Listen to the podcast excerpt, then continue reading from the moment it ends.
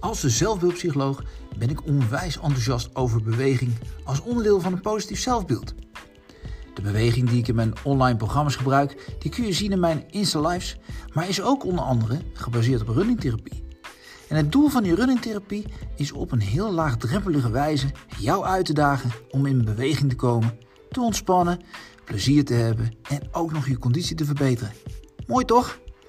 Runningtherapie is kennis en ervaring opdoen over beweging, over stress, maar ook over rust door bijvoorbeeld meditatie en ademhaling. In deze podcast gaan we in een voor ieder passend tempo hardlopen en we wisselen dit af met diverse oefeningen om je bewustzijn, je rust, je herstel te bevorderen. Doe je met me mee?